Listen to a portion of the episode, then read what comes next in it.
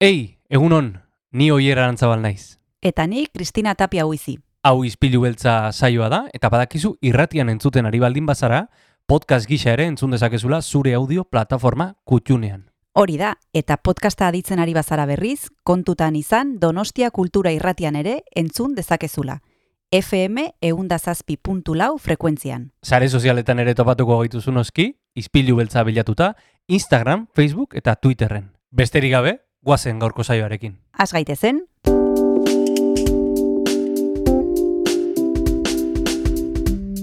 Ispilu beltza.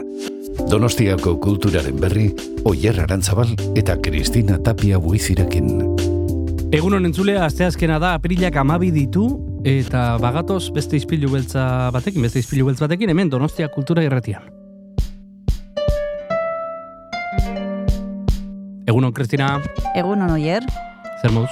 oso ondo, gaurko gonbidatuak berriro entzuteko irrikitan. Bai, ez da. E, Hmm. Esan bezala, azte honetan ari gara errepasatzen egin ditugun elkarrezketa nabarmenenak, e, gustatu zaizkigunak, eta gaur azteazkena hiru eder aukeratu ditugu. Bai, lehenbiziko Mari Garzia izango dugu gurekin, badekizue berak gidatzen duela irakurketa klub bat, e, aur irakurketa klub bat, mintzoan kuskus izena du. Gainera izango dugu gurekin Mitxel Gaztanbide gidoigilea, larrotxenen ikastaroa eskaintzen duelako gombidatu genuen Donostia Kultura Irratira, eta bukatzeko Aitziber Garmendia aktorea, sexberdinarekin egontzen donostian, besteak beste zelan pila dauka emakume honek azken aldi hontan, eta gaur ere errekuperatu nahi izan dugu bere elkarrizketa, beraz hiru e, monstro hauekin utziko zaituztegu. Hori da, hemen izpilu beltzean.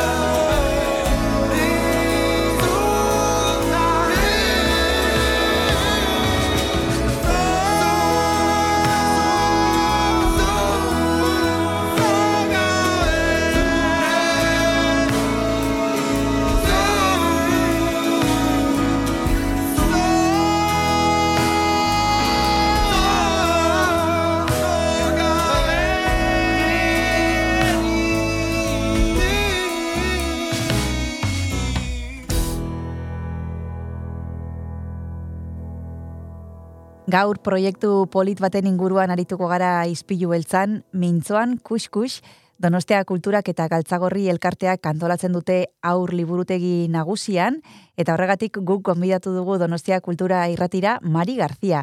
Egunon, Mari, zer modu zaude? Kaixo, egunon, oso ondo, oso ondo, urte berri on denoi. Urte berri on, bai.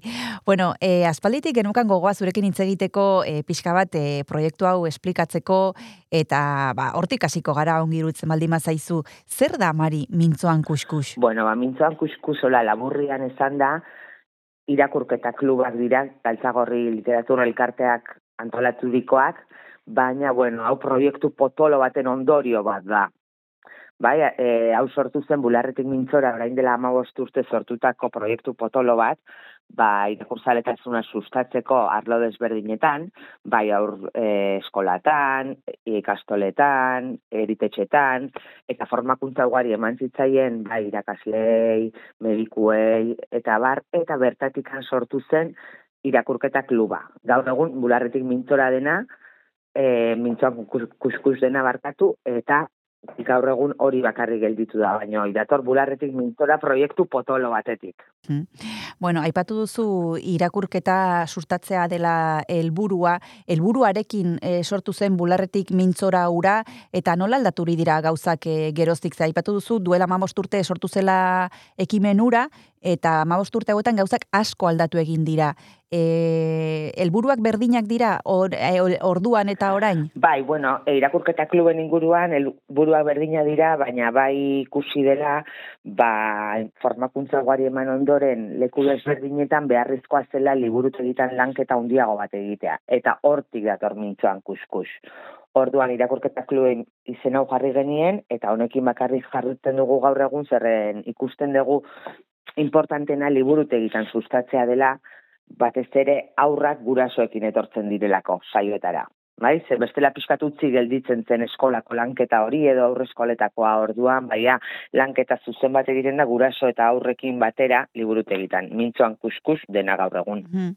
Eta zergatik da garrantzitsua mari aurrak gurasoekin joatea? Ba, garbi gelditzea nahi izaten deni beti ez dela ipuin kontaketa bat, ez dira etortzen ipuin bat entzutera, baizik eta lanketa bat egitera.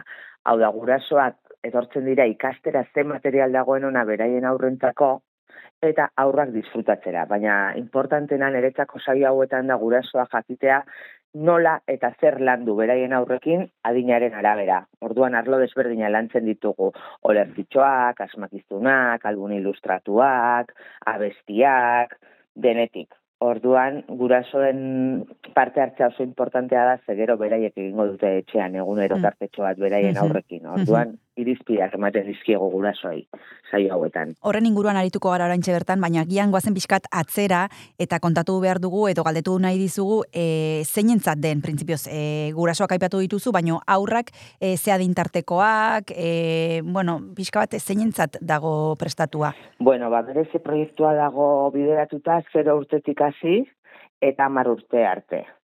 Baina zero hiru urtekoak ba, ateratzen dira, baina gutxiago, ze adina pixkat komplikatua da, oso aurrak dira, osea, jaio berriak dira, orduan gaixo daudela, bestea dela, urtean behin edo ateratzen dira, eta batez ere lana gehiena egiten duguna gu da, hiru zortzi urtekoekin.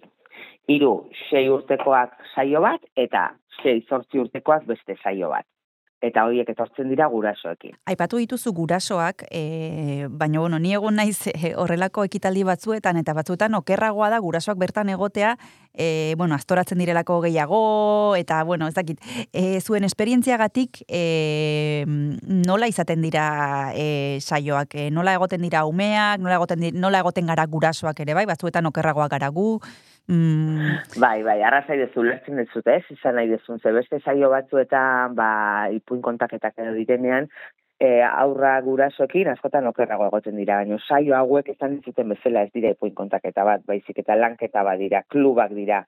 Orduan garrantzitsua da gurasoak parte hartzea zeren, beraiek gidatzen dute saioa esaterako. Ni beti ematen diet etxeko lan bat, orduan hasten gara, eta beraiek beraien etxeko lanarekin hasten dira, badibidez, e, olerkitxo bat ekartzen dute prestatuta etxetik, edo asmakizuntxo bat, Gero, ni kontatzen diet algun ilustratu bat adibidez, eta beraiek parte hartzen dute, beraien gurasoekin ere, asmakizunetan ere gurasoak parte hartzen dute aurrak bezala xe.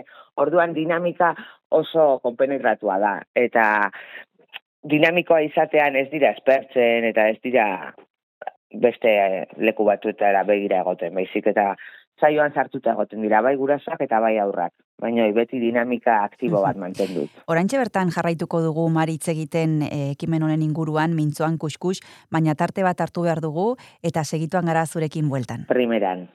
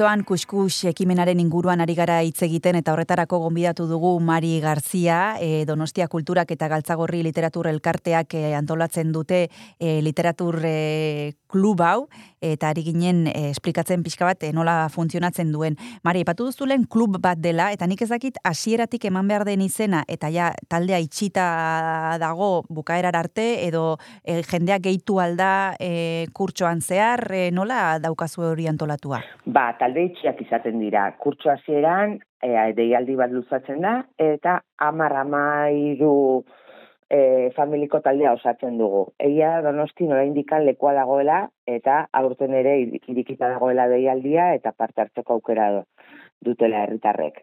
Baina behin taldea izten denean gustatzen zait jarraipena egitea talde berarekin. Zeren juten geha em, ipuin berdinak lantzen, edo irakurketa jarraituak egiten, edo etxeko lanak nola ematen dizkieten, ba, pixkat aria jarraitzeko talde itxiarekin egiten dugu lan. Bai, normalean hiru edo sei saio izaten dira, eta beti berdinak etortzen dira. Eta nola erabakitzen duzu ze testu ekarri, zein dira irizpideak, aldatzen, aldatzen dituzu astero edo hilabetero, pixkat, nola egiten duzu aukerak eta lan hori? Ba, batez ere adinaren arabera. e, iru sei eta sei zortzi e, adinekoekin egiten dut nik gehien bat. Orduan, badinaren arabera, aukeratzen dut gauza bat edo beste. Beti ere, saio guztietan literatura arlo desberdinak lantzen saiatzen naiz. Orduan beti aukeratzen dut ba adinaren arabera olerkitxo bat, beste bat jolastia dena, gero beti irakurketa bat egiten dut, ipuin motz bat, ondoren asmakizunak eta ahokorapiloak eta ere lantzen ditut adinare zuzenduta, eta ondoren ba beraien gehi gustatzen zaiena algun ilustratuak, ze irakurtzen ez dakitenez, irakurtzen dute irudiare bitartez, ba aukeratzen ditut ere normalian nire gustoko bat, adinari egokiena iruditzen zaidana, eta gero beti ere nobea ditxo bat ematen diet. Bazken urtean atera den algun ilustratun bat, eta gero beti tartea uzten diet beraiei disfrutatzeko eman dudan materialetat. Eta bukaeran tertuliatxo txiki batekin bukatzen dugu. Orduan, oi, saio potentea dira eta beti aldatzen joaten gaitz adinaren Mhm. arabera eta nobea den arabera Mhm. liburuak. E, ze iraupen du e, normalean e, saio batek, Mari? Ba, ordu bete inguru esango Mhm. dugu. Normalean beti luzatzen geha, ze tertulian hasten geha hitz egin da hitz egin, eta ordua juten zaigu. Ordu laurden edo horrela. Mm. Irurogei laro gehieta marbinetu. Bai. Irurogei daukagu jarria, baina beti luzatzen geha. Hori seinale ona da, ezta? bai, bai, bai, hoi da. Seinale hona da, hoi. Aipatzen dugunean adina Mari hemen e, batzuetan hitz egin izan dugu idazle batzuekin eta orain burua etortzen zait adibidez e, Patxizu Bizarreta berak esaten zuen adinarena e, bueno, e, pixka bat e, orientatiboa e, izan beharko lukela, ez? Batzuetan oso e, zorrotz hartzen ditugula e, azaletan e, jartzen dituen zenbakiak, ez? 6 sortzi edo hamar hamaika eta batzuetan Bai. umeak badirela gai beste gauza batzuk eta e, irakurtzeko, naiz pentsatzen ja pixka bat, handiagoak direnean, pues, e, zazpi zortzi ja bakarrik irakurtzen dutenean, eta bar, eta, bueno, e, Bai. beraiei ere utzi behar litzaiokela, litzaiekela e, aukerak eta egiten, ez dakit ze, iru, ze iruditzen zaizun. Bai, bai, bai, e, arrazoi du zeren oso desberdine da. E, zortzi urterekin aur batek duen irakurketa plazerra edo beste batek duena. Adibidez batek disfrutatzen du algun ilustratu batekin eta beste batek novela batekin. Orduan adinarena, bai, oso relatiboa da. Edo nire saioetan ere, hiru bost urteko saioetan oso desberdina da, hiru urteko aur batek irakurte, eh, irakurtzen diotzuna edo bost urteko bati. Orduan hori beti saiatu behar gea pixkat material desberdina ematen eta beraiek beraien plazerraren inguruan aukeratzea. Ze oso relatiboa da. Liburutegi askotan baita ere hasi dira eta oso idoia ona iruditzen zait, en, adina jartzen duen apaletan, jartzen zerotik aurrera. Eta Zuzenean. ideia ona iruditzen zait. Bai, zuzenean, ze askotan guri ere gustatzen zaizkigu bost urteko aurre gustatzen zaizkien liburuak. Orduan, ba, zerotik aurrera eta bakoitzak bere plazeraren arabera aukeratu dezala nahi duena. Eta mm, aipatu duzu lehen e, gauza garrantzitsu bat eta horren inguruan e, sakontzea gustatuko litzaidake eta da e, ba, zein den ekitaldi ekimen honen helburua, ez? E, irakurtzelat irakurtzaletasuna sustatzea eta eta bultzatzea. Hori baino lehen tartetxo bat hartuko dugu, azken tartetxoa, eta segituan gara Mari Garziarekin e, bueltan.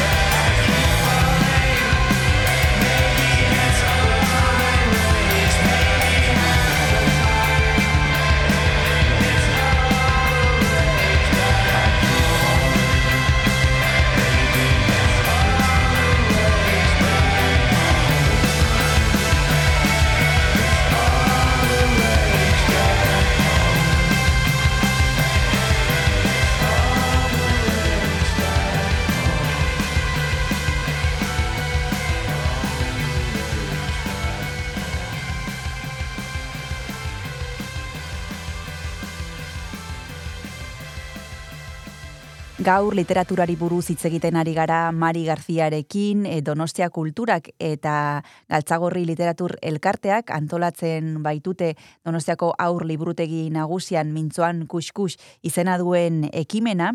Eta hasieran aipatu dugu gauza oso garrantzitsu bat eta da zein den e, ekimen honen helburua. Eta da e, ba, bueno, irakurzelat irakurzaletasuna e, bultzatzea, sustatzea eta horretarako oso garrantzitsuak gara gurasoak. Eta horregatik dira e, parte e, garrantzitsu bat e, ekimen honetaz, ez? Ma- Marik e, hasieran aipatu duen bezala. Batzuetan e, galduta sentitzen gara eta ez dakigu nondik hasi pentsatzen dugu e, liburu bat irakur behar, irakurri behar diegula gauean eta listo, baino zuk hemen beste klabe batzuk hemen ematen dituzu, ezta? Bai, bai, bai, e, arrazoi dezu, gehien bat preokupatzen diena gurasoi da, nundik hasi edo zerri heldu edo beti liburutegira junda, bai liburu asko, baina zer da ona nire aurrarentzat.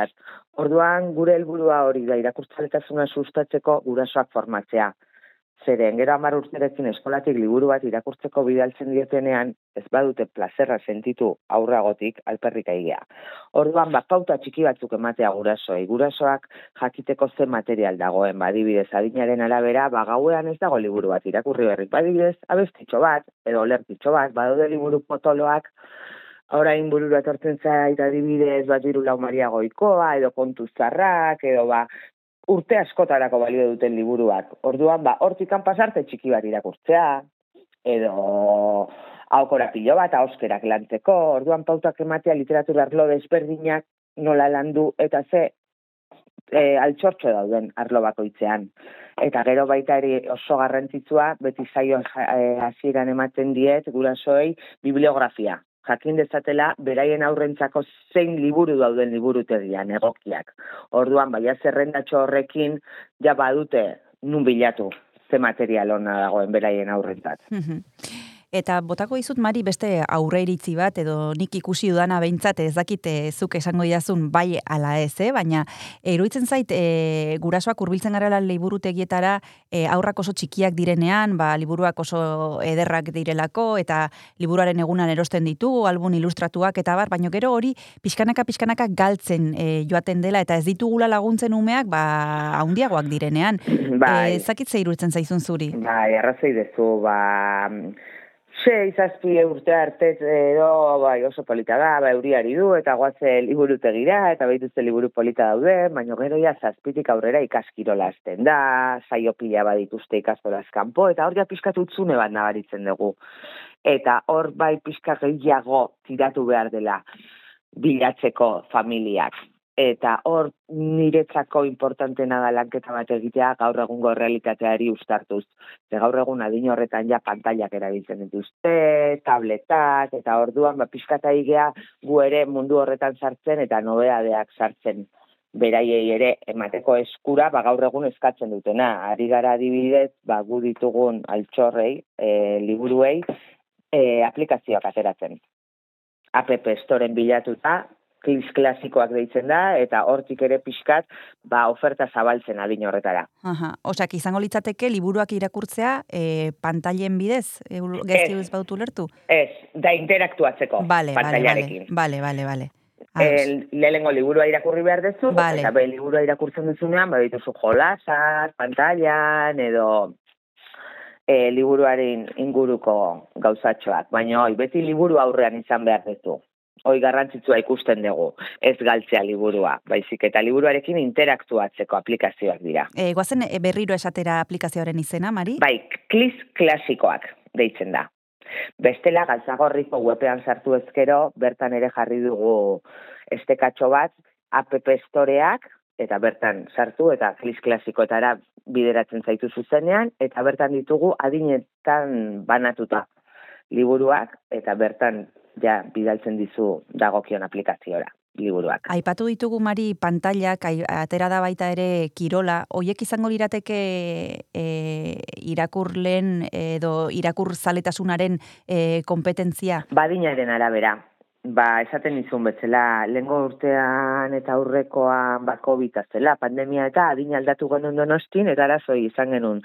Zazpi urtetik aurrera, zortzi hor inguruan, kirola nahi izaten dute, eta orduan, ba, pixka zailagoa da, eta adin horretan bai dela kompetentzia, baina, bueno, ba, beste e, gauza batzuetatik tiratu behar, esaten dizudan bezala, beste oferta zabalagoa, zabalagoa bat eskaini behar. Hmm.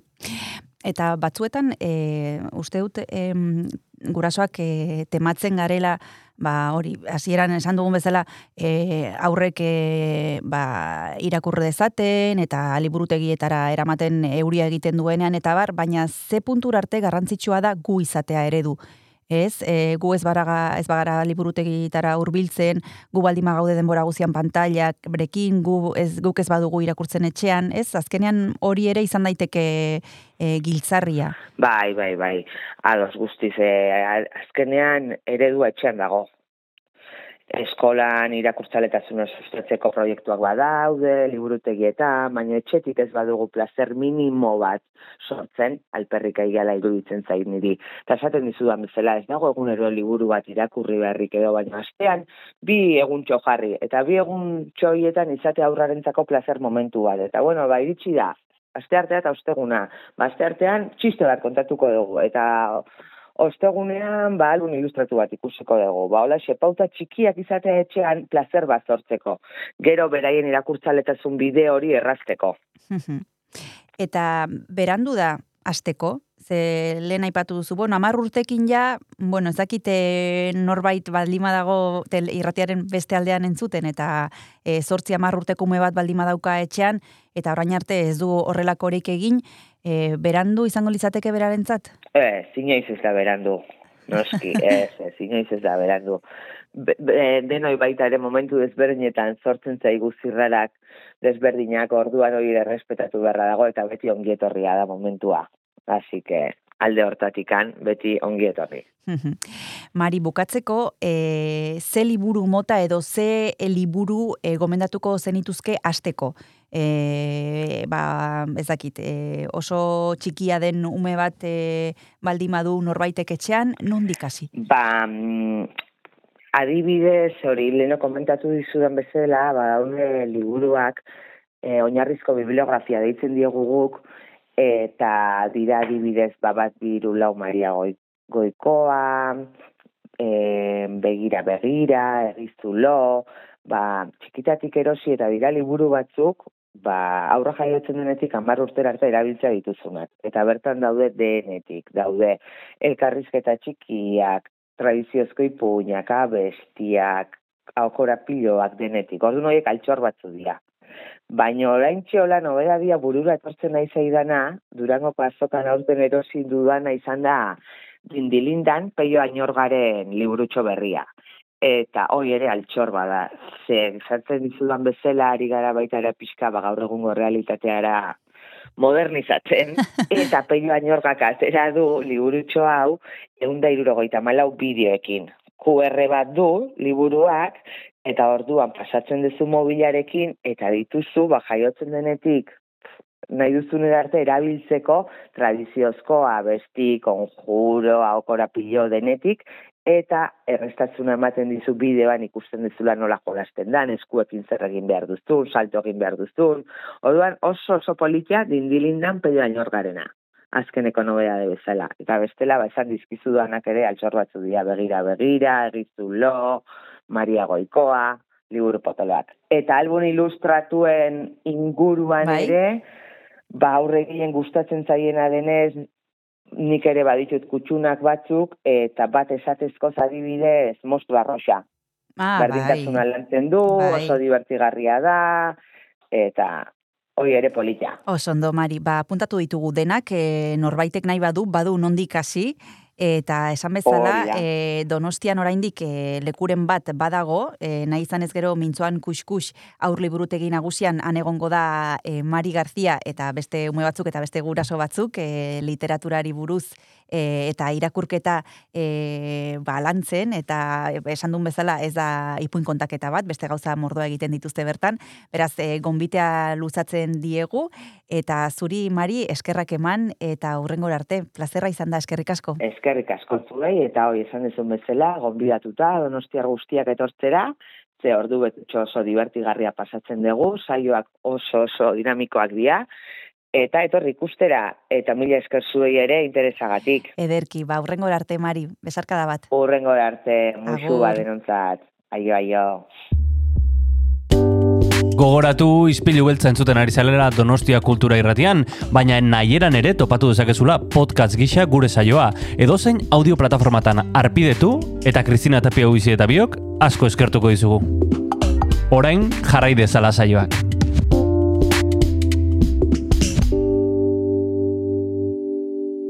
Hasieran esan dugun bezala gaur Michel Gaztanbide da gaurko gure gonbidatua, berak larrotxenen gion avanzado izena duen ikastaroa eskaintzen du Donostia kulturan, eta gidoigintzari buruz hitz egingo dugu berarekin. Egunon, Michel, ¿qué tal estás? Eh, hola, bien, pues bien, trabajando. Trabajando, Bueno, además, este luego, no, pero luego, luego te vamos a preguntar en qué estás trabajando, porque algo hemos leído por ahí, tenemos mucha curiosidad, pero primero vamos a hablar del curso que impartes en La Rochene, que para eso te llamamos. Algo ya nos contaste el curso anterior, pero bueno, por si alguien no escuchó la entrevista, volvemos a recuperar algunas preguntas y a ver si sale alguna idea nueva. Lo primero de todo, Michel, eh, nos gustaría saber es qué podemos aprender en este curso titulado Guión Avanzado. Ya la palabra avanzado nos da alguna pista, pero ¿qué es lo que, lo que tratas de, de enseñar tú aquí? eh, bueno, eh, eh, es una palabra un poco grande, eh, la de guion avanzado.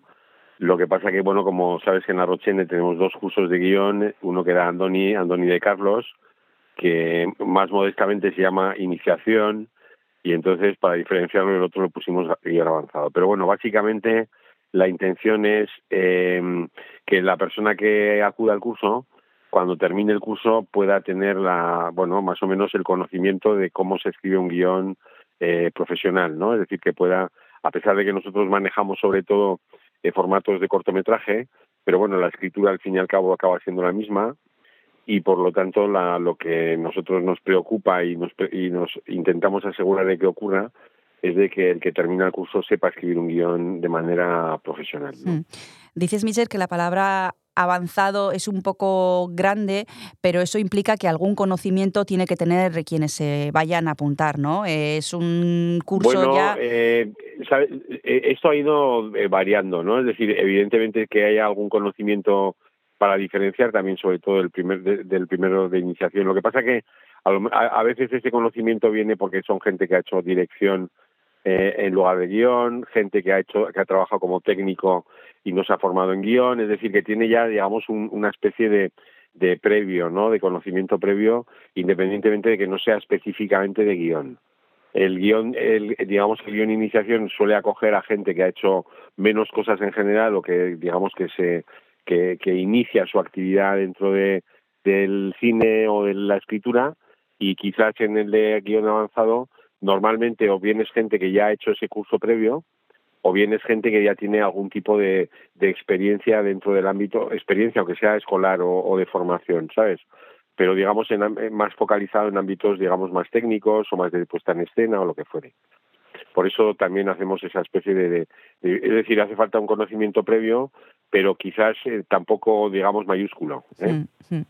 Tú llevas ya un tiempo impartiendo este curso en La Rochene y ¿qué- ¿cuál es el perfil de personas eh, que se apunta a, este curso? Ha ido variando con los años. El otro día, la semana pasada, de hecho, hablábamos con Óscar Tejedor, que también imparte un curso en La Rochene, y nos decía, jo, el perfil es muy diverso, desde personas eh, jubiladas hasta chavales jóvenes que ya eh, están muy, muy puestos en esto. No sé, en tu caso, ¿qué clase de gente Sí. suelen acercarse? Es exactamente lo mismo que lo que comentaba Oscar. Eh, digamos que, que tenemos un, un espectro muy variado, eh, eh, desde la juventud a la veteranía, es decir, gente que ya ha terminado su actividad laboral ¿no? y que por fin tiene tiempo de poder eh, eh, formarse o ampliar conocimientos en algo que les gusta mucho, en este caso el cine y, y el guion o lo que fuere, o sea, gente jubilada o y tal, y luego eh, gente muy joven, gente de 20, de 22, de 20, y luego pues gente de mediana edad, etcétera, etcétera, ¿no?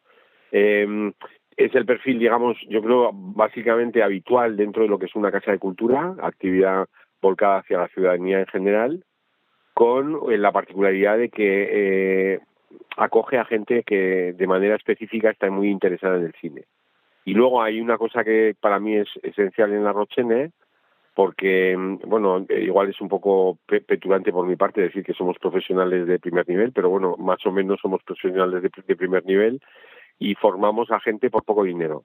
Es decir, en este momento la, las escuelas de cine suelen ser caras, carísimas, extraordinariamente caras y eh, bueno digamos con la modestia que puede tener un centro como la Rochene bueno, los cursos son de tres semanas de cuatro semanas de dos semanas etcétera etcétera pero sí permite un acercamiento formativo bastante serio y por un dinero pues decir que no te voy a decir simbólico pero casi no para mí eso es esencial que la formación no dependa del, del talonario de cheques o de la situación familiar o del, del sacrificio familiar para que el niño se forme no y entonces eso me parece que es estupendo y eso permite que de repente sea muy amplio. Eh, aparte que la gente que, que, es veterana tiene descuentos por su veteranía y la gente que es joven por su juventud, ¿no?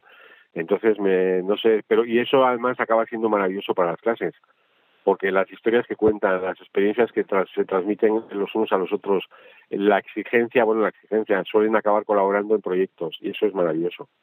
Eso me parece que es un privilegio. Bueno, eso es algo que sale de forma recurrente en las entrevistas que hacemos aquí a quienes impartir eh, cursos en La Rochene. Muchos de vosotros nos decís, si hubiera yo pillado esto de joven, eh, cuando a estudiar cine era algo para los privilegiados, ¿no? Carísimo, en muy pocos lugares eh, se podía hacer. Y ahora, en cambio, esto, por ejemplo, que tú dices, eh, bueno, igual suena un poco petulante decir que somos profesionales de primer orden, pero es verdad, ¿no? El plantel que, que hay en La Rochene, pues no tiene envidia de ninguna otra escuela y sin embargo es eh, una formación que, que, en cuanto a precio pues no, no, se puede comparar con ninguna otra. Eso también es una forma de acercar eh, vuestro conocimiento de una forma bastante democrática a todo el mundo quien quiera, porque desde es que se puede apuntar hasta un jubilado. Claro, es que aparte yo creo que es, eh, el que sabe tiene la obligación, por lo menos yo me, crié en ese concepto, lo que conoce sea mucho o poco, lo que tiene la obligación de transmitirlo. Entonces, eh, que haya una, digamos, una eh, barrera previa que es económica, yo doy clases en, en, escuelas que son más caras, bastante más caras y tal, ¿no? Pero también doy clases en Arrochene y para mí es esencial, ¿no? Todos los años tener mi Arrochene para poder eh, hacerlo de esta otra manera. y bueno, pues eso me parece que es eh, lo que dices. Yo en mi época ni siquiera había escuelas de cine en España con lo cual de, de, habernos formado teníamos que habernos formado del extranjero, entonces nos mm. formamos de otra manera, mm. pero eso. Mm. Sí. Ahora mismo vamos a seguir hablando de la Rochene y de cómo han cambiado la, las maneras de, de, formarse en este mundo del cine. Nos vamos a tomar un descanso y volvemos ahora mismo con Michel Castambide.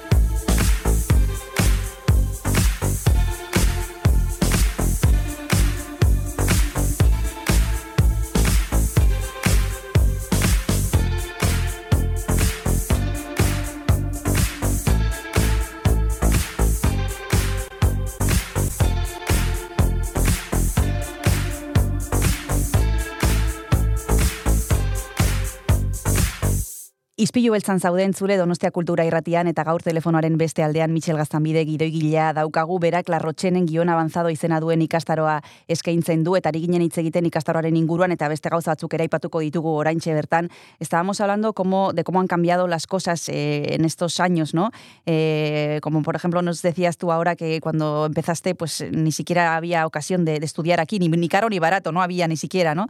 Eh, a ti, ahora que estás en contacto con, en la Rochene, por ejemplo, y en otros sitios con, con chavales que están empezando, eh, ¿te habría gustado tener algún consejo en ese momento que te hubiera venido muy, muy bien? Que alguien te hubiera dicho algo que ahora mismo pues dices, jo, eh, hubiera agradecido que alguien me hubiera dicho esto. ¿Qué hubiera sido, Michel? Uf, qué pregunta más complicada. Eh, ev- evidentemente siempre, claro, una de las cosas, yo creo que la enseñanza o la formación tiene dos cosas, la formación reglada, digamos, tiene dos cosas que son muy importantes. Eh, primero, los atajos, es decir, que te- eh, a ti te cuesta de manera personal o autodidacta tiempo descubrir las cosas y las sueles descubrir con la práctica. Que eso era también una diferencia a favor nuestro de aquella época, que había muchos menos profesionales, digamos, intentando dedicarse a eso y había más sitio para trabajar.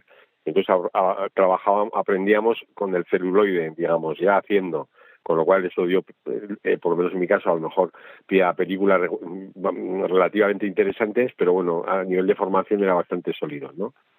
Eh, eso por un lado. Y lo, lo otro que te da una escuela es, eh, la, eh, es decir, eh, eh, la contaminación. Es decir, estás con otra gente que quiere lo mismo que tú. Hmm. Entonces conoces a gente que está igual de loca que tú. conoces a gente que está igual de preocupada que tú por lo mismo. Entonces eso está muy bien y eso, siendo autodidacta, es más difícil de, de conocer. Llegas ahí a través de los rodajes, de tal, pero los guionistas, como trabajamos más en casa, pues es más complicado, ¿no? Entonces eso eso es impagable y eso es una cosa que, bueno, pues eh, sí he podido echar de menos. Exactamente qué, cuál consejo, pues no, en este momento me pillas un poco fuera de juego, no sabría qué decirte. Pues no sé, eh, porque hay, digamos que hay dos, dos cosas que son muy importantes para escribir, ¿no? En mi caso, una cosa buena era que eh, cuando estabas un poco dejado de la mano de Dios de la teoría y de la técnica, pues la teoría y la técnica no pesaba tanto como pesa a- en estos momentos y yo creo de manera excesiva, ¿no? Que si las estructuras, que si tal, todo esto. Entonces, en aquel momento, digamos que era más libertario y eso me parece que es un acierto. Ahora, de repente, cuando hay una enseñanza muy reglada, se tiende a sistematizar, como la matemática, la física, la química, que ahí es lógico porque tienes que aprender unas cosas concretas. Pero aquí, de repente, se nos olvida a veces que tiene algo de arte el cine y entonces intentamos, no, tiene que haber no sé qué, tiene que haber no sé cuál y eso creo que a mí me parece que es, que no te voy a decir que es un error, que es equivocado pero sí que me hubiera gustado encontrarme con otros locos como yo en otro sitio y haberme encontrado con gente que tenía una experiencia directa que, que me hubiera transmitido pues eso, atajos, verdades, conocimientos, autores y tal que he tenido que ir descubriendo de, de otra manera. ¿no? Hmm. Hablabas de que en el, en el cine hace falta un poco de arte y yo no sé si eso se puede aprender, si se tiene o no se tiene y si podemos eh, Hombre, formarnos también o esto es algo genético. Claro. Mira, yo era, eh, dentro de las ignorancias que tiene un autodidacta, estaba la sensación de que la, la creatividad se tenía o no se tenía. Y so- siempre suelo decir a mis alumnos eh, que les hace un poco de gracia que de mis primos era el más creativo yo seguro.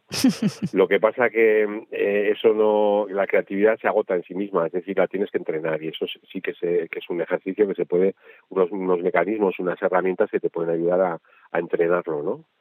Y entonces, claro, la creatividad se tiene, pero ya, eh, o sea, decir, hace falta además otras características que son contrarias. A la, creatividad, digamos, que forma parte de la parte derecha del cerebro, ¿no? Pero el, el guionista vive de las dos partes del cerebro. Solo decir que es un, eh, es un oficio que necesita lo mismo que el de director, sentido común e intuición. Sentido común es parte izquierda, todo raciocinio, lógica, implacable, etcétera, etcétera, y parte derecha, fantasía, imaginación, creatividad, etcétera, etcétera. Pero en esas dos, no una más que la otra. Entonces, aparte de creatividad, tienes que tener capacidad de autocrítica, capacidad de trabajo, capa o sea, decir, un montón de capacidades que son excluyentes si no las tienes. Entonces, ya te digo, porque mucha gente te dice, no, yo tal, tengo mucha imaginación, sería un guionista estupendo, o que les ves en los ojos que creen que es así, y dices, joder, no, no te, no te queda picar piedra, compañero, ¿sabes? Porque igual de repente tienes mucha creatividad, pero claro, picar piedra no sabes. Y entonces no vas a escribir un guion nunca porque es un ejercicio de disciplina, de tal y de cual, y evidentemente de creatividad, ¿no? pero de las dos cosas. Ahora seguimos hablando de creatividad y de otro concepto que nos mencionó la semana pasada aquí Oscar Tejedor y que me gustaría comentarlo contigo, que es el de la mirada. Eh, pero nos vamos a tomar antes un descanso y volvemos enseguida para seguir hablando con Michel Gastambide.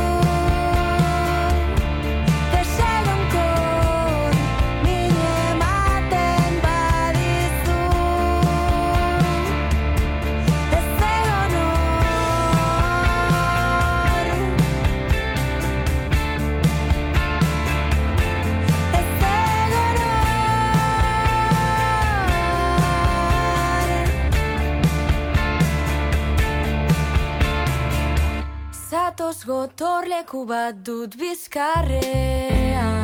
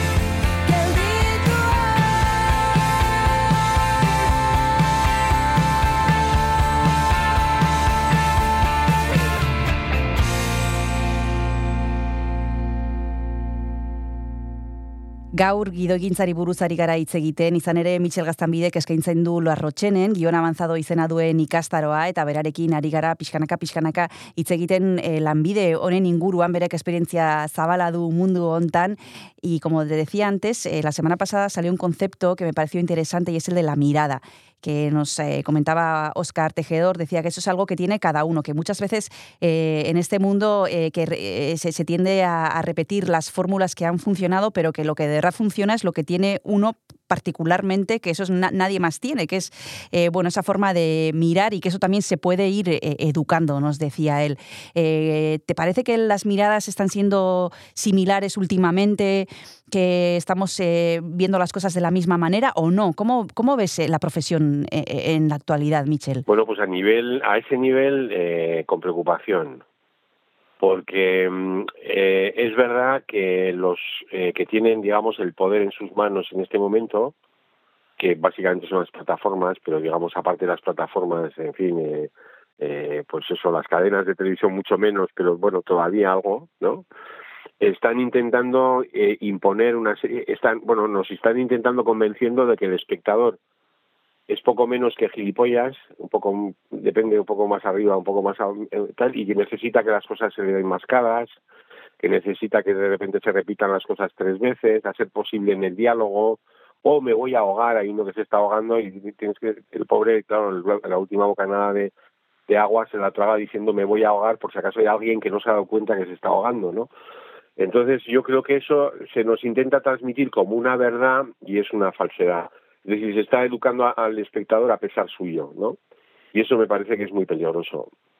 Eh, a ese nivel te diré que, por ejemplo, para las plataformas no es muy importante la figura del productor, que para ellos son una, porque el dinero lo tienen ellos, entonces los productores hacen, digamos, lo que nosotros llamamos el service. Entonces, bueno, pues yo tampoco lo mismo, ¿no? Mientras les, les asegure que con ese dinero lo puede sacar y si puede ser un poco más barato, mejor. Estoy exagerando, es decir, todavía quedan productores. Eh, los directores tampoco les importan mucho, porque de repente los directores igual tienen ideas propias. Y ellos como tienen una mecánica de decir, no, tiene que haber siete planos, me tienes que hacer un plano general y un plano, igual de repente el director hubiera hecho un, solo plano para toda la escena, pero este pide cinco. Es decir, eh, hay una especie de lamentable deriva hacia los códigos preestablecidos, ¿no? De lectura en función de las necesidades supuestas de un espectador. Lo que quiere, lo que dicen ellos que cree que quiere el espectador, que yo no creo que sea así, pero bueno. Los guionistas en este momento parece que eh, aparentemente ten- es- vivimos una era de oro, porque hay mucho trabajo para los guionistas, pero lo que pasa es lo mismo, es decir, te dicen, no, pero eh, en la primera escena ya tiene que estar claro el conflicto, en la segunda escena ya tengo que tener tal, tiene que haber siete giros por capítulo, ¿sabes lo que te quiero Sí. decir? Entonces dices, sí, hay trabajo, se confunde trabajo con momento de... mm, eh, con un momento, digamos, dorado a nivel creativo de la, Sí. de la profesión. Sí. Entonces eso no es así. Hmm. Entonces, ¿dónde quedan esos huecos? Pues en óperas primas, en gente que ya tiene una trayectoria personal que puede todavía mantener ciertos criterios eh, autorales y tal, pero la tendencia, que lamentablemente, bueno, como todo sube y baja en esta, yo, vamos, en- en- a lo largo de un montón de años, pues ves que de repente manda uno, luego manda otro, el otro se arruina, el otro lo meten en la cárcel y tal, en fin, todo esto es así, cambia mucho pero las tendencias actuales no son buenas para eso, porque de repente nos intentan, bueno, eh, educar en un lenguaje básicamente igual, ¿no? Yo no me parece que sea lo Hmm. mejor. Bueno, de hecho hay una cosa que me llama bastante la atención, a ver qué te parece a ti, y es que en los títulos de crédito de algunas series ya no aparecen, eh, bueno, las figuras a, las que estábamos acostumbrados hasta ahora, pues que como decías tu director, productor, guionista, sino que es showrunner, que es un concepto que no sabemos muy bien qué hace, pero que es el, más es. importante. Sí, sí.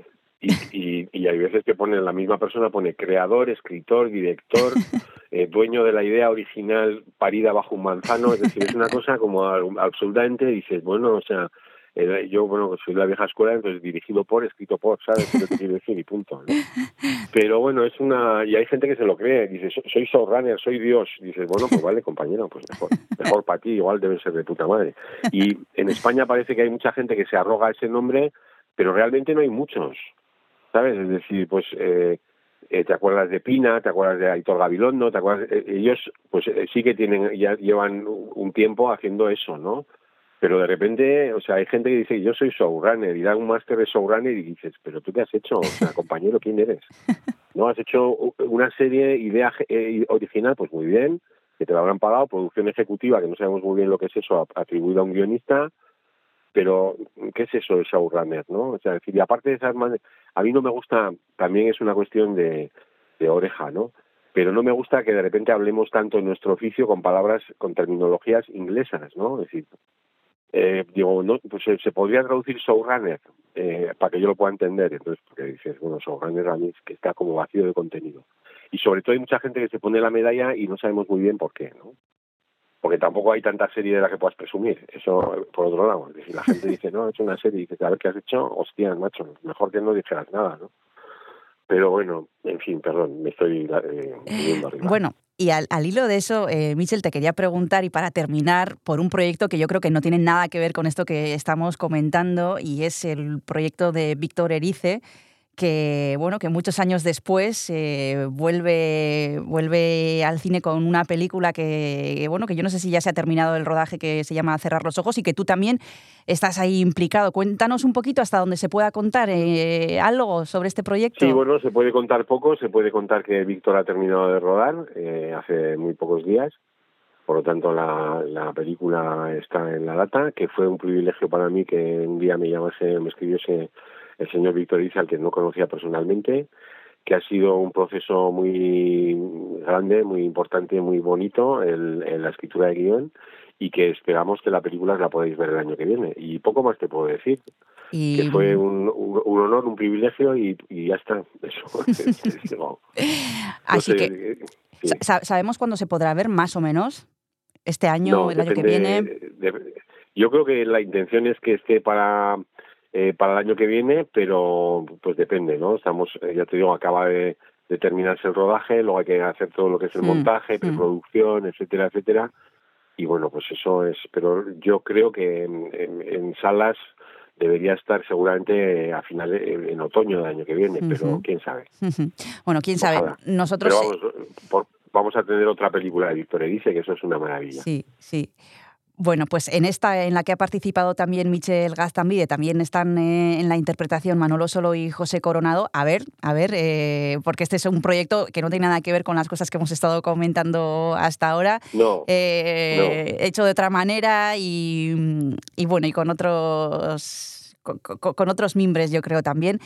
Eh, bueno, vamos al principio, a lo nuestro, que es por lo que hemos llamado a Michel Gastamide, que es al curso de la Rochene. Como hemos dicho, él imparte el curso de guion avanzado eh, para quien quiera. Ya veis que cualquiera se puede apuntar. También tenemos el de Andoni de Carlos, que es eh, iniciación, pero, pero bueno, ahí cada uno que, que vea un poco cuáles son sus fuerzas.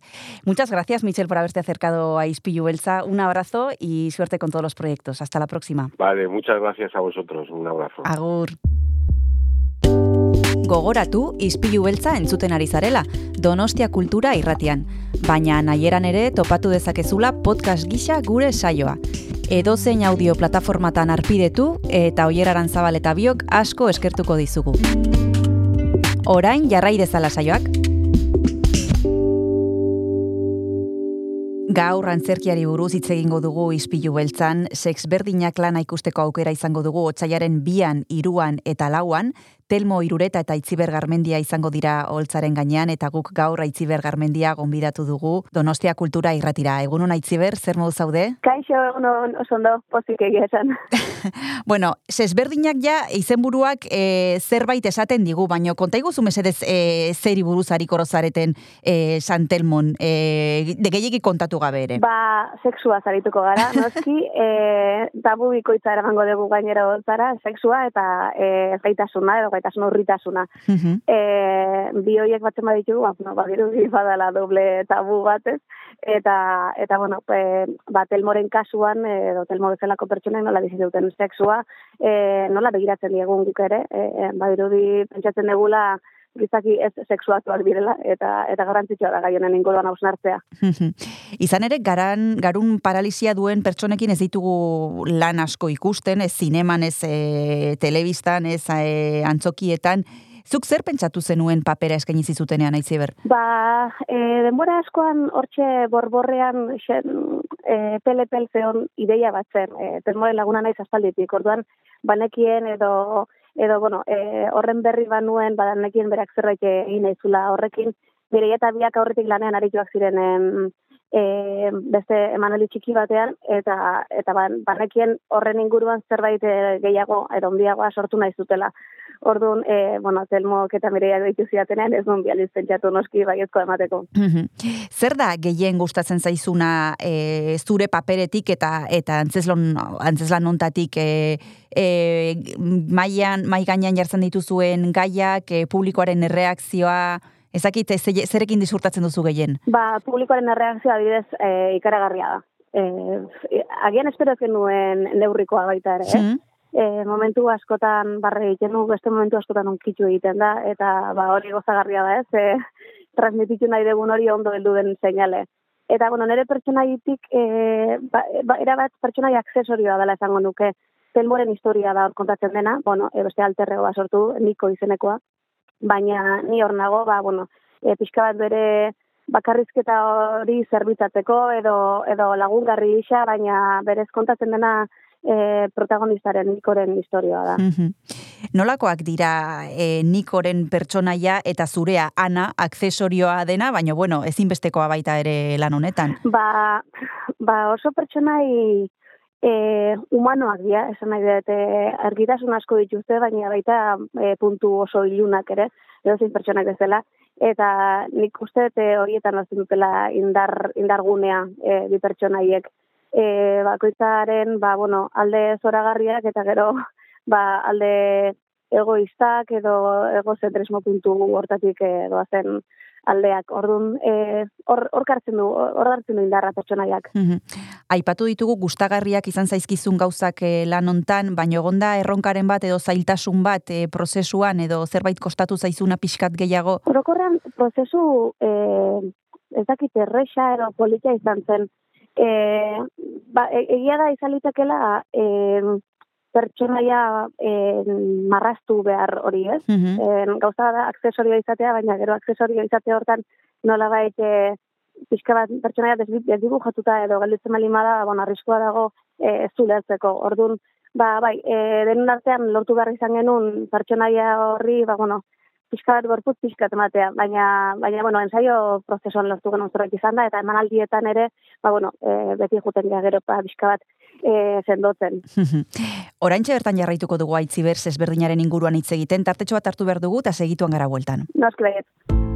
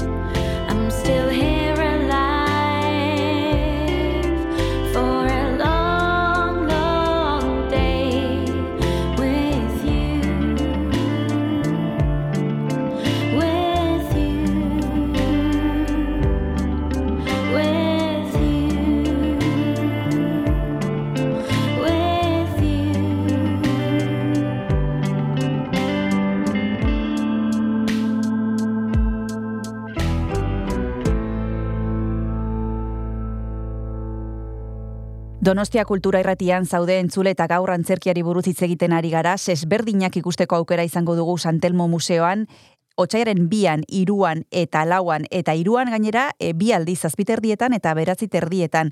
Aitziber, e, olakoak ez dira oso maiz gertatzen, bueno, zuri gertatu izan zaizu beste lan batzuekin, baino donostian esa, ez da oso ohikoa hainbeste egun jarraian e, egotea e, oltzaren gainean. E, olakotan, ze, ze pentsatzen duzu, ze sentitzen duzu? Ba, zoriona, ez, eta eskerrona, izugarrizko eskerrona. E, azken aldian egia da, e, en, bueno, nola bait, e, tem- demoraldi oparoa izaten ari gala e, antzerkiare aukenean niretzat, e, luzarzekin egon ginen, e, lau jarraian bete genuen Victoria Eugenia udan, e, orain Dublinek ere ongea beste lau egun jarraian eta bete dugu, erlauntzarekin beste horren beste eta orain sex berdinak entxanda da, ez? E, oso zorioneko sentitzen naiz ikusten dut e, Donostiko eta bueno, Euskal Herriko ikuslegoa hor dagola, benetan hor dagola, e, hori baino like edo follow handi hori ez dago niretzat eta oso zorionako sentitzen naiz.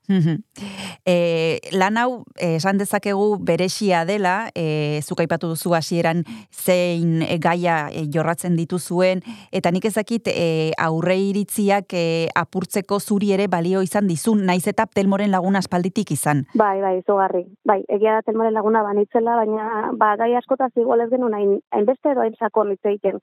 Eta kasu hontan lagundu izan dit, e, eta gu asko apurtzeko, aurreiritzi asko apurtzeko, eta eta egia jakiteko, osea, beste gardentasun batekin hurbiltzeko telmoren gana, eta bai, oso baliogarri izan da egia. Bueno, izan ere, gogoratu behar dugu zinemaldian Telmo Iruretak e, pelikula bat aurkeztu zuela, Fernando Frankok zuzendutakoa, La consagración de la primavera, eta hor ere agertzen zen sexuaren gaia, beraz, pixkanaka, pixkanaka e, ez dakit aldatzen ari diren gauzak edo pausuak ematen ari direla behintzat. Bai, bai, bai, bai, bai. E, telmok esaten du, ez, azken aldian, e, daukala sensazioa beti berdinaren inguruan izketan ari dela, e, consagra, la consagración de la primavera ere gai bera ukitzen da, eta sex berdinaken ere. Bueno, ez, ez guztiz e, bera, baina bai, hitz egiten da e, horren inguruan. E, nik uste dut hasi dela pixka bat e, jendeare begiak zabaltzen, oraindik asko falta da, ez? E, Horrein ikusten dut telmori jende asko nola gerturatzen zaion, eta hitz egiten diote bost urteko aurra izango balitz bezala eta eta esa hortiko oso urrun dago, ez? Esaten du, ostras, eske hogeita hamar ur- urteko gazte bat naiz. nahi dut naizen bezala tratatua izatea, baina bueno, ba bada hor oraindik aurretik lan handi handi handi bat. Gaia berez ez da xamurra, e, baina umorea erabiltzen duzu. Nik- e, igual gai gogorrak errazago lantzen dima, dira umorearen bidez? Bai, dudarik gabe. Humorea beti izan da arma oso garrantzitsu bat, eh, arma oso indartsu bat, eta eta humorearen bidez gauza asko esan daitezke bestela igual ezin, esan ezin direnak. Eta hortarako aprobetsatzen dugu sexberdinaken ere.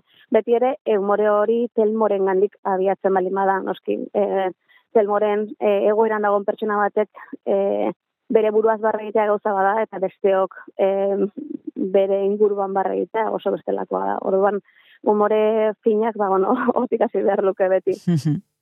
Bigarren tartetxo bat hartu behar dugu eta segituan jarraituko dugu Aitziber Garmendiarekin hitz egiteko.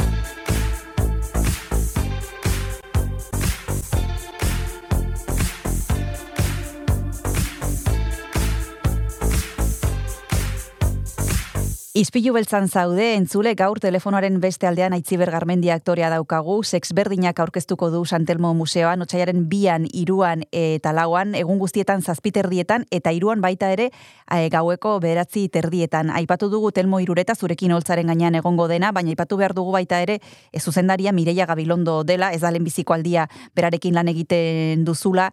Ongi moldatzea ezinbestekoa da olako lan batean e, hainbeste egun jarraian denean, eta kimika hori beharrezkoa da, nabaritzen da, gero? Emaitzan. Bai, bai, bai. Ongi moldatzea ezinbestekoa da e, lanbide guztietan. Baina, ba, kasu honetan, bueno, e, ba, agian e, implikazio artistikoa edo implikazioa pertsonala duten lanetan, ba, ba, ja, da, oso, oso ezinbestekoa. Ez, ez dut beste aukerarik guzten. Kasu honetan gaina, Mireia eta bio kaspaliko laguna gea, eta e, elkarrekin lan asko egin dugu, e, aktore bezala e, holtza banatuz orain arte Dublin arte, baina Martin Telesaian adibidez bai, eta zuzendari bezala behin baina gehiagotan. E, asko gustatzen zaitan zuzendari bada, e, nire kutxun, kutxunenetako bada, eta eta nik uste dut e, horrez gain lagunak izateak ere ba, laguntzen dula. Batez ere gai, gai hain mamitsu baten inguruan e, jarduteko garaian. Aipatu duzuzuk aitziber, baina azkeraldi hontan proiektu askotan ikusten zaitugu, antzerkian, e, bueno, pantalla hundian ere bai, podcastetan ere bai, e, nolako izaten ari da esperientzia adi, agian berriena edo berritzaileena hor e, jare gorpuzten duzu eta o, ahotsa bakarri jartzen duzu eta hori zuk e, normalean ez duzu egiten ze zure gorputza erabiltzen duzu lan egiteko eta hemen ez e, nolako esperientzia izaten ari da hori? Ba, sekolako eskola. E, uste nuena, baina gehiago erabiltzen udalako gorputza, hasiera batean pentsatu nuen, bai, bai, bai, hotxarekin gauza pila bat esan litezke, baina lehenengo goratzen naiz archipelagoa, lehenengo denboraldiko lehenengo gorabaketetan, konturatu nintzela, e, uf, apoio nagusi nagusi bat zela, gorputza eta e, fizikotasun hori asko erabiltzen dutela eta asko inarritzen naizela hortan. Ez da txarra, baina, baina lan ezberdin hauek egiterako garaian oso konstiente izan behar dezu eta askotan gorbutan lotu behar izaten nuen e, ahotsarekin bakarrik adierazteko e, estena hortan adierazi nahi zena. Sekulako eskola izan da eta esperientzia oso oso politia. bueno, eta ja bukatzeko, e, aipatu dugu lanez gainezka zabiltzala, eta nik ezakit e, 20hogeita irugarren urtea ere horrela datorren zerbait eh, gehiago sesberdinaz gain daukazu eskuartean urte ontarako aitziber. Ba, bai, horrela dator, zorionez. e, Dublin, inoiz ez naiz Dublinen egon estrenatu berri dugu, eta jira, bueno, e, jira nahiko potoloa e, aurre ikusten zaio. Horrez gain, bueno, e, urte amaieran hasiko naiz beste e, proiektu baten saiatzen, aktore bezala zen nahi dut e, tantakarentzat, eta eta gero, ba, ja astelen honetan hasiko gara e, kanpora sartzen e, antes lanarekin, Xabi Fernandez eta Intza Alkain direktoreak, eta lehenengo aldiz lan hori nik zuzenduko dut, beraz. E, Bueno, hori, hori nobedadea da, zuzendari moduan Bai. ariko zara itziber, hori nola, kontatu pixka Bai, bat. ba, txalo konpainia ditu zidan, Xabi Ragero ditu zidan, e, ba, esan ez e, Xabinek idatzi zuen e, antes lan bat baziagoela hor, e, antes lan zoragarria, por cierto, eta Xabinek berak ere proposatu zuela, ba, bueno, zuzendarian izan edin irakurri nuen, ikaragarri gustatu zitzaidan, e, kontatu beharreko historia badela iruditzen zait gaina, e, zero positiboa dela aitortzen duen historio bada, eta eta bueno, ba nola umore puntutik eh, umore ikutuarekin kontatu nahi duen, ba nigan pentsatu zuten eta ikaragarri zoriontsu sentitzen naiz. Martxak 11 estrenatuko da eta uztailean eh okerrez naiz eh Donostian izango gea. Osea que bueno, Bueno, ba. Aitziber Garmendia aktorea izateaz gain, eta podcastetan parte hartzeaz gain ere, zuzendari ikusteko aukera izango dugu, beste rol batean, guk egin behar deguna da, entzulei gomendatu, e, ba, sesberdinak daukatela San Telmo Museoan, esan bezala otxaiaren bian, iruan eta lauan, eta bisi ibili beharko direla sarrerak eh, nahi izan ez gero, ze badekizue e, lau egun egongo direla, lau emanaldi izango direla, eta azkar-azkar saltzen direla e, sarrera guztiak donostiakultura.eus webunean izango duzu informazio guztia eta sarrerak erosteko aukera. Eskerrik asko aitziber barmendia Donostia Kultura irratira hurbiltzeagatik eta besarkada bat urrengor arte. Eskerrik asko zuei, Agur. eskerrik asko besarkada bat. Agur. Agur.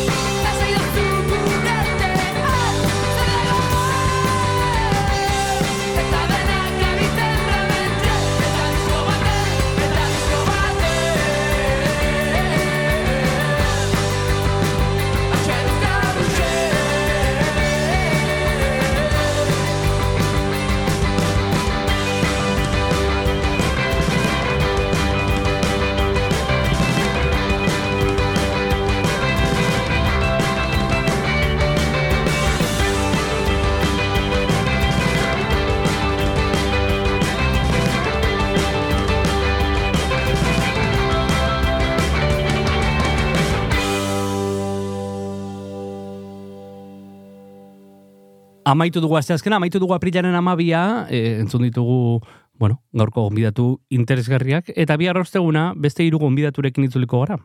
Bihar izango ditugu gurekin Pablo Malo, zinemagilea, Aizea Barzenilla, badekizue Santelmon generoaren inguruko hitzaldia eman zuela, eta Andoni de Carlos gidoigilea. Nik uste dut eh, programa ezin duzuela galdu. Nik ere, nik ere uste dut ez ez.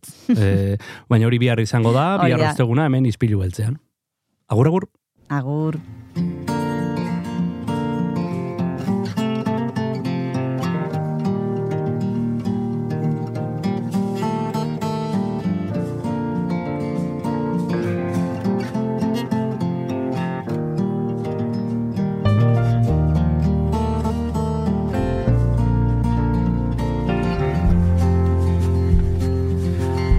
This is how I tell it.